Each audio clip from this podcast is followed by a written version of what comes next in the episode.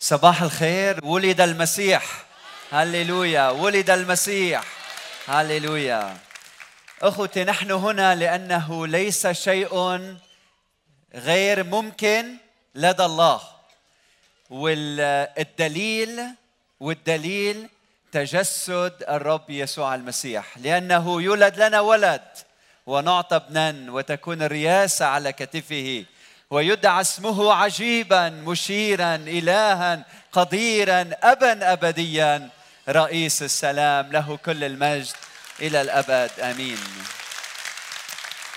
أخوتي نحن هنا ليقول المحدود لله محدود والفاني للأبد أهلا وسهلا بك.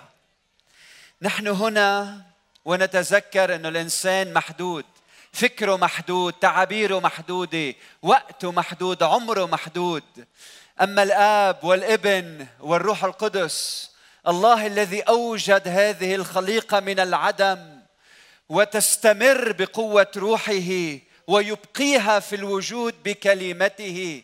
هذا الإله الحي القادر على كل شيء لأنه أحب الإنسان زاره تجسد والكلمة صار جسدا وحل بيننا ونحن نقول له اليوم أهلا وسهلا فيك في بيوتنا وفي قلوبنا وفي حياتنا وفي بلادنا ومدننا.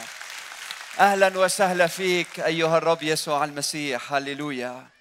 معقول إنه الله يتجسد بمريم وهي عذراء؟ معقول؟ نعم يلي خلق كل هذا الكون. والكواكب مستحيل إنه يزور الإنسان ابدا الغير مستطاع عند الناس مستطاع عند عند الله. ما بقى تسأل؟ كيف؟ اسأل لماذا؟ ما هي النتيجة؟ لماذا تجسد هذا الإله بيننا؟ أخوتي في التجسد غير ربنا عنوان سكنه لكي يغير عنوان سكننا. مكتوب عن الإنسان من التراب وإلى التراب تعود. سكننا التراب عنوان سكننا التراب إلى أن أتى الرب يسوع المسيح ليقول لنا في بيت أبي منازل كثيرة أنا أذهب أنا أمضي لأعد لكم مكان ومتى أعددت لكم مكان آتي أيضا وآخذكم إلي حتى حيثما أكن أنا تكونون أنتم أيضا معي. وتعلمون حيث أنا أذهب وتعلمون الطريق. ثم سأل كيف بنعرف الطريق؟ قال الرب يسوع المسيح أنا هو الطريق والحق والحياة. ليس أحد يأتي إلى الآب إلا بي. في تجسد يسوع المسيح صار يسوع عنواننا شارعنا بلدنا حياتنا. وعندما تعطي حياتك ليسوع يعطيك بيت الآب. هاليلويا أخوتي في التجسد بيننا الكتاب المقدس أن المسيح اشترك معنا باللحم والدم لنصبح نحن شركاء الطبيعة الإلهية. وشركاء الطبيعة الإلهية يعني نصبح شركاء الطبيعة الإلهية في الخلود وفي الحياة الأبدية في الطبيعة الجديدة غير الفاسدة. فإذا بدك الخلود والحياة الأبدية اتحد بيسوع المسيح الأبدي. فيكون لك حياة أبدية معه. وأيضا في التجسد صار الإبن عبدا لنصير نحن العبيد. قولوا معي ابناء.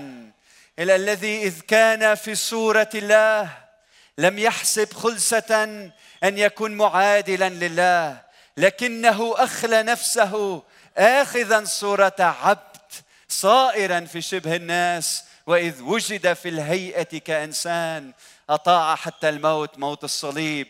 من أجل ماذا؟ لماذا؟ لننال التبني. وبما أنكم أبناء أرسل الله روح ابنه إلى قلوبكم صارخا يا أبا الآب. اذا نحن لسنا عبيد فيما بعد بل أبناء.